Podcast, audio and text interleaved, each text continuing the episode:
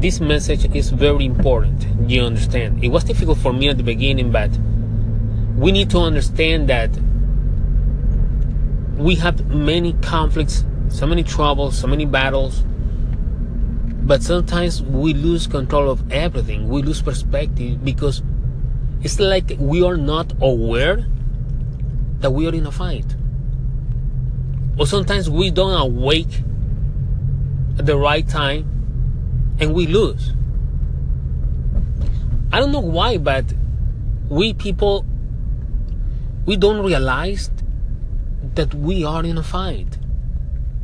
And sometimes we complain about what is this? What is this conflict? What is this conflict coming from?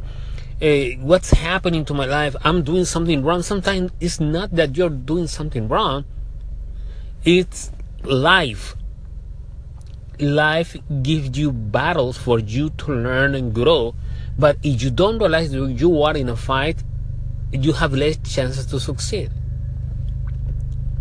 That's why it's very important this message, and you have to have very, very clear in your mind so you can improve your mindset and you can prepare better for your future. And the message is that no matter who you are, no matter what you know, no matter what your skills are, no matter where you come from, no matter what your network is, no matter what your dream is, what your goals are, no matter what you want from life, whatever you want, whatever you want to build, whatever the dream you want to achieve, whatever the goals you want to get, you have to fight you have to fight. No matter where you are now, what country, what nationality you are, it doesn't matter what your economic position is or what is your market position with your business. It doesn't matter. You have to fight. Even if you win or lose,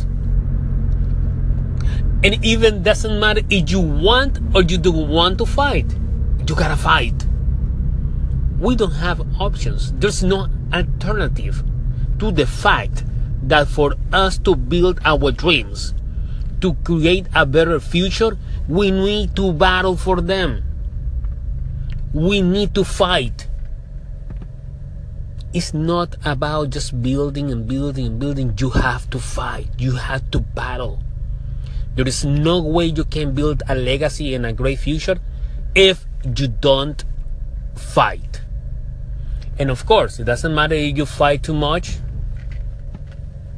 if you don't fight too much, and you don't build. Same way.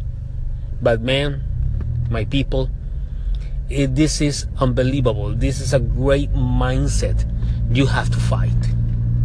That's why I promote the concept and the philosophy of build and battle.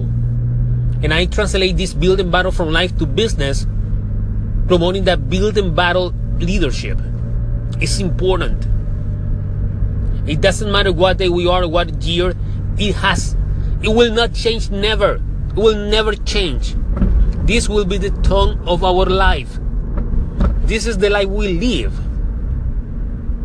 If we want to create something to achieve great things, you have to battle. You have to prepare and equip yourself with the skills, tools with new behaviors, with new allies, with new confidence, so you can go outside, build what you want, and battle for it.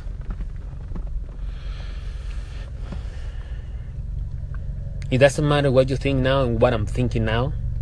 The truth is that if we want to build great things, we have to battle for them. End of story. Happy Friday.